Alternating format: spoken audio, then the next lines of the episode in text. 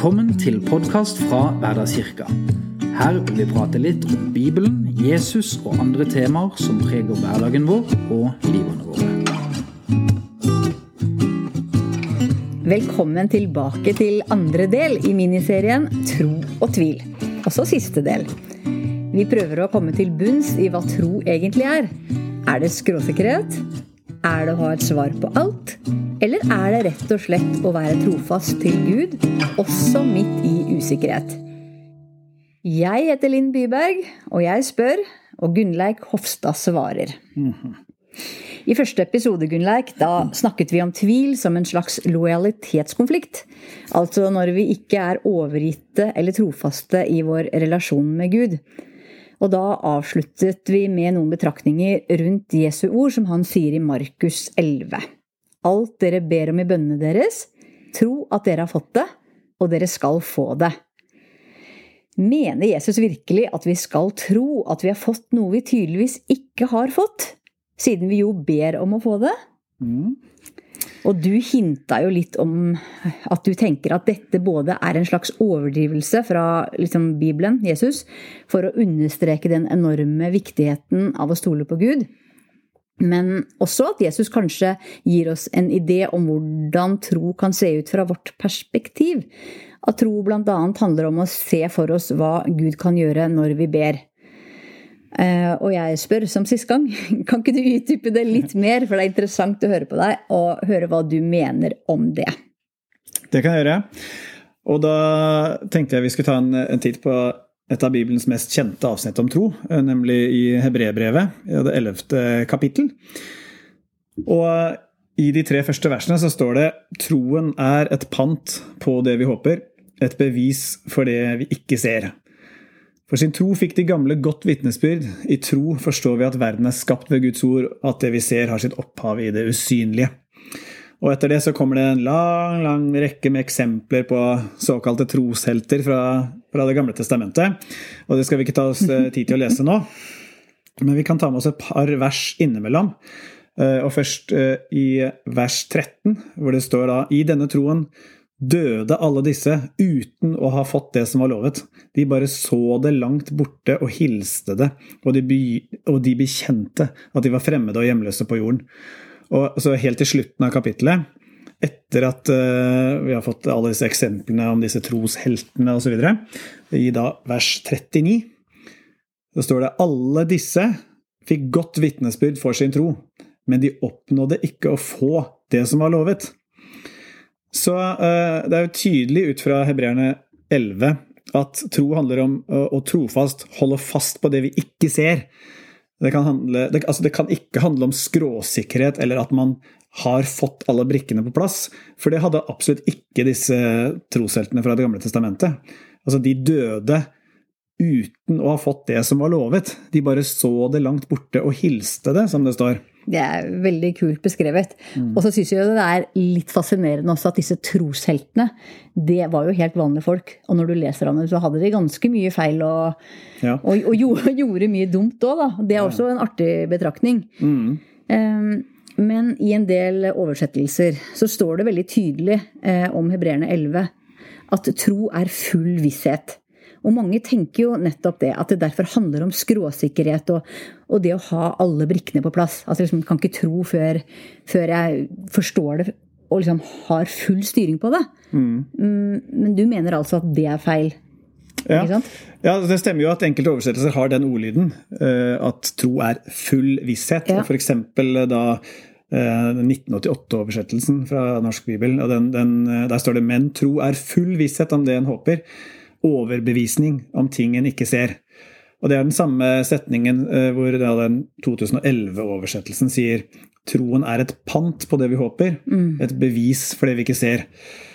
Og Jeg liker jo å sammenligne Nå er ikke jeg noe gresk ekspert, eh, men hender jeg kan slå opp litt ord og prøve å liksom finne ut litt mer. Og, og, og, jeg liker også å sammenligne litt med hvordan engelske oversettelser eh, eh, lyder. da. Og de samme Uh, altså disse setningene, altså full visshet eller overbevisning, pant på det vi håper, bevis for det vi ikke ser.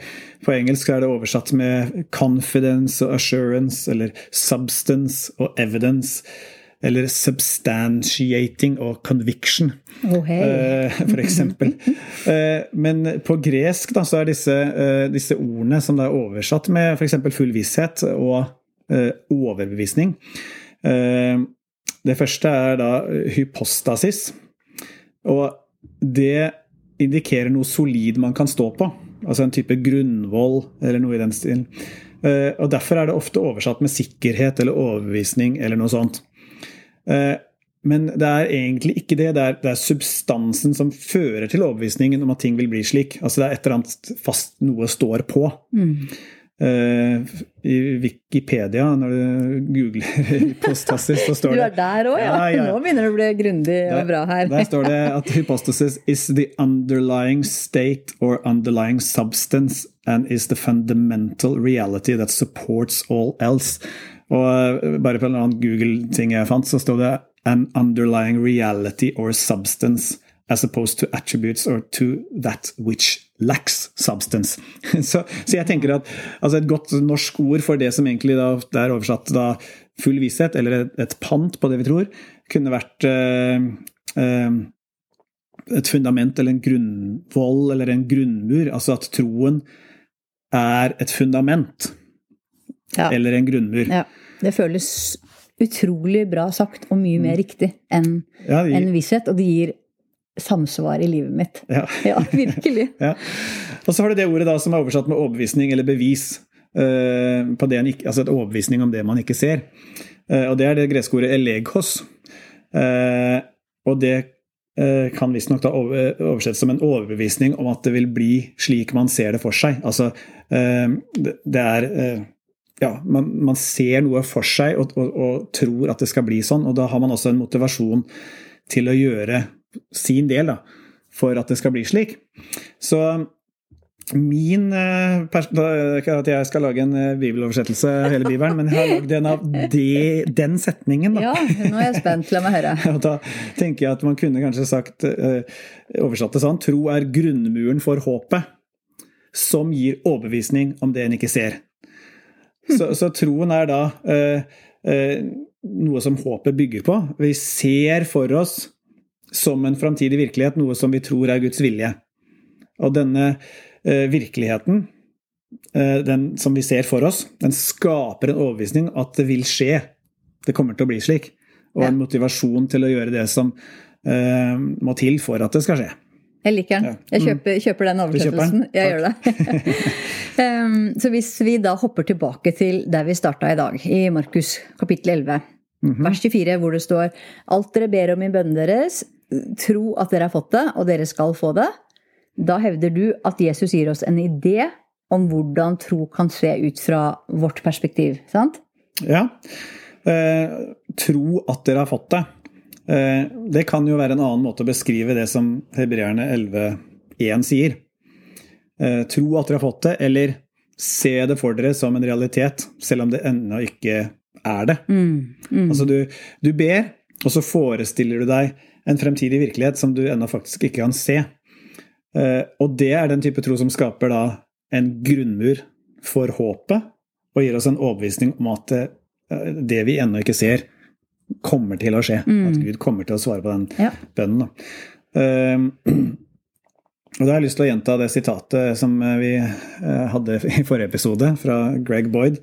At tro handler ikke om å streve etter skråsikkerhet. Det handler om å være trofast midt i usikkerhet.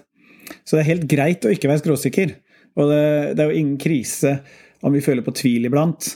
Og som vi snakka om i forrige episode, tro handler om å stå stødig i vår lojalitet til Gud. Vi er altså trofaste mot ham selv når vi opplever usikkerhet. Eller som vi også siterte i forrige episode, eh, tro er kunsten å holde fast på ting som din fornuft en gang har godtatt, på tross av ditt skiftende humør. Men jeg vil jo kanskje si det enda sterkere enn at eh, det er greit å ikke være skråsikker. Jeg vil jo si ofte at det er det kanskje fornuftig å ikke være så veldig Jo, skråsikker også, det for det, si. det er omskiftelige tider, og det Ja. er eh, Ja. Bare man har fundamentet, så er det greit om det Når man er skråsikker, så er det jo god sjanse for at noe av det du skråsikker, er skråsikker på, er feil. Det er akkurat det, og det kan kan føre til litt En eller annen eh, teolog, jeg husker ikke hvem det var, som skrev at eh, jeg tror min teologi er 80% korrekt. Ja! Men jeg vet, problemet er bare at jeg vet ikke hvilke 20% som er feil. Da er det nydelig å være etterfølger. Og det er liksom, altså man kan jo uh, man, man kan regne med at man har god oversikt over en del ting, men så vet man jo helt garantert at du tar feil i noe, og det er noe du ikke har fått på plass, og, og sånt noe. Og så vet vi kanskje ikke akkurat hva vi har hvor vi har rett og hvor vi eventuelt tar feil, og så må vi være ydmyke på at sånn er det bare. Og sånn er det også med, med troen vår. Vi kan stole på Gud uansett, men øh, Ja, At fundamentet det er under meg, men at jeg er skråsikker, liksom at jeg har sett lyset alltid, det er liksom greit. da. Ja, det. men eh, det var ikke meningen å ta fra deg tankerekka di. det går veldig fint. Jeg har et manus jeg kommer alltid innpå igjen. Ja, Altså. det var vakkert. Så ja. Nei, men hvis vi går tilbake til det med, med den eh, eh, lojaliteten. Vi nevnte litt på det her med ekteskap i, i, i forrige episode også. Men uh, denne lojaliteten til Gud den ligner egentlig veldig på den relasjonen som et ekteskap er. At jeg er trofast mot kona mi Lene, både i gode og onde dager. Det er jo det vi lover. Gode og onde dager. Jeg lover ikke gode. Gode og onde.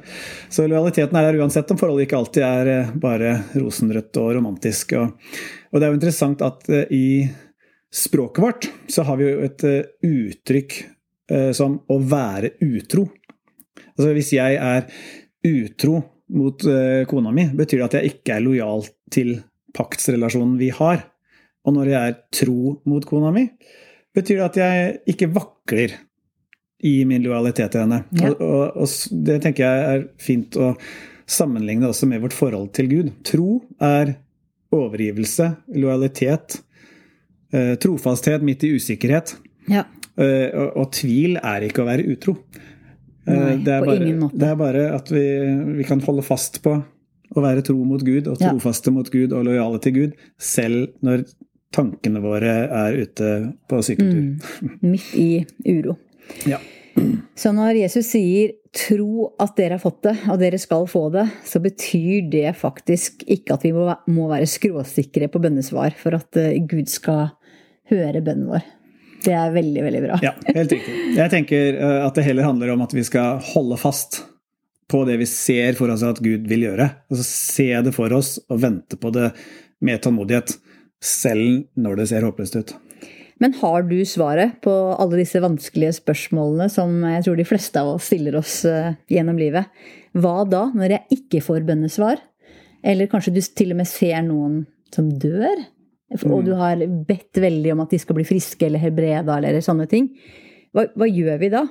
En del konkluderer jo med at da, hvis man, at man, hvis man ikke får bønnesvar, da har man ikke trodd nok. Og så Mm. blir det, fører det til skyld, liksom, og skam, for at det er vår egen skyld. Mm, At. Gud ikke hører, hører meg fordi jeg har ting som Ja, hva, hva tenker du om den tankerekka? Ja, jeg tror det er veldig mange ting som uh, spiller inn i forhold til det om vi opplever bønnesvar. Uh, og jeg tror at det med tro, i, da, i betydningen trofasthet til Gud, altså ikke skråsikkerhet, men Ja. trofasthet til Gud, og Ja. det å, å se for oss hva Gud vil gjøre, altså det er i så fall bare én av mange faktorer som, uh, som har med bønnesvar å gjøre. Så jeg tenker at tro er en, en kraftfull ting som fører til resultater, men, men det er ikke en garanti. Nei. Og det er viktig, liksom, det, er ikke, det er ikke magiske formler vi driver med. Det er veldig mye mer organisk, og det er masse vi ikke forstår. Det, det må vi jo bare innrømme. Det er, det er noen ganger man liksom hvor, tenker hvorfor gjorde ikke Gud noe med det? Hvorfor fikk jeg ikke bønnesvar her? Det liksom er så åpenbart at dette måtte jo ha vært Guds vilje, og bla, bla, bla. Så, men nei, det er mange ting som spiller inn, og vi vet ikke nødvendigvis alt. Men jeg tenker jo at eh, tro er ikke uvesentlig. Eh, fordi, eh, nettopp fordi det er denne grunnvollen som vi bygger på. Og det er den som skaper en, en grunnvoll for håpet, som gjør at vi holder fast på noe og ser fram mot noe. Mm. Og, og det fører kanskje til at vi er utholdende i bønn, at vi fortsetter å be, og vi sto, fortsetter å holde fast på å stole på Gud. Og jeg tror det har en hensikt i forhold til at vi får bønnesvar, men det er ikke en garanti. Uh, Så jeg tenker jo tro er, er noe som kan gi resultat, men tro garanterer ikke resultat. Og bønn er en kraftfull ting som fører til resultater, men bønn garanterer heller ikke resultater. Jeg har lyst til å gi et eksempel nå til slutt på, på noe som illustrerer det. To korte historier om to veldig forskjellige mennesker som begge døde i 2018. Oi, jeg er spent. Den første som døde, var Ida Eide. Mulig at mange gjenkjenner hvem det var. Hun var en aktiv langrennsjente på, på, toppnivå i Norge fram til 2014. og altså da Søstera til Mari Eide, som også er en topp langrennsløper. Hun ble født 3.4.1988. Og døde plutselig av hjertestans under et mosjonsløp 2.9.2018. og Da var hun 30 år gammel. Bare, hun ble bare funnet i grøfta Hjertet hadde stoppa under dette løpet, og hun var død. Tre måneder senere, 27.12.2018, døde Richard Arvin Overton. Han har du hørt om hjem, tenker jeg. Ikke før nå, tror jeg. Men Richard Arvin Overton han var født 11. mai 1906. Og døde altså da 27.12.2018. Da var han 112 år og 230 dager. Oi, altså nesten 113, nesten 113 år gammel. Ja, ja, ja. Han var da på det tidspunktet den eldste eh, overlevende krigsveteranen etter eh, andre verdenskrig fra den amerikanske hæren. Altså den som var eldst i år, da. Eh, han var altså født 82 år før Ida Eide, og døde tre måneder etter. Og i, for, i, for, i forbindelse med Memorial Day i 2013 så ble han intervjua av Fox News. Og da fikk han mye oppmerksomhet fordi han fortalte at han skulle feire Memorial Day ved å røyke sigarer og drikke kaffe med whisky. Og han var kjent for å røyke omtrent et dusin sigarer hver dag. Okay. Og han levde altså nesten 113 år, overlevde krigen ja. og titusener av sigarer. Ida var topptrent idrettsutøver, hadde sannsynligvis superbra kosthold, kan aldri tenke meg å røyka, mm. men levde altså bare 30 år. Så trening og sunt kosthold, skal vi da konkludere med at det ikke er noe viktig? altså, du kan si Trening og sunt kosthold fører til god helse og langt liv. Det, det, tror jeg vi vet. Vi er alle enige om det. Trening og sunt kosthold er bra. Fører til god helse og langt liv, men det garanterer det ikke. Det er andre faktorer som spiller inn også. Uh, og på samme måte så tenker jeg at vi kan si at tro fører til resultater, men det garanterer det ikke. Og bønn fører til resultater, men garanterer det ikke. Så når du tror på noe, og når du ber om noe, og det ikke skjer, så er det ikke nødvendigvis fordi du ikke trodde nok. Det er mange andre ting som spiller inn, og det er ikke sikkert vi noen gang finner ut akkurat hva. Mm, jeg tror du har rett. At det er et mysterium mye av det. Ja. Eh, så får vi spørre Gud om himmelen en vakker dag. Men, men eh, det er ikke noe grunn til å tenke at tro og bønn ikke er viktig. Nei, jeg tror jo også det gjør noe med min livskvalitet også, jeg. Ja. Eh, bare å stå på det fundamentet, det gjør at jeg kan hvile mer i den usikkerheten, sånn som Peter når det stormer skikkelig. Så kjenner jeg at jeg står på et fundament hvor det oppleves godt at troen bærer, selv om ikke du kanskje får det resultatet som du har i hodet, at du ønsker deg veldig. Mm. Og sånn er det med bønn. Jeg tror det hjelper oss å både være mer takknemlig og ha en en, en, bedre livskvalitet. Kanskje Nå har jeg blitt en voksen dame ja. og drister meg til å si det. Ja. Men Gunnleik, eh, veldig interessant. Selv ditt siste eksempel om disse to. Ja. eh, takk for tankene som du har delt. Og dette var jo rett og slett da avslutningen på denne lille miniserien om tro og tvil. Mm -hmm. Og konklusjonen den er jo åpenbar etter ditt eh, fremlegg her. At eh, tro det handler ikke om skråsikkerhet, men om trofasthet til Gud. Både på de gode dagene og de vanskelige dagene. Du har nå hørt en podkast fra Hverdagskirka. Følg Hverdagskirka på Facebook for oppdateringer om nye episoder og nye serier.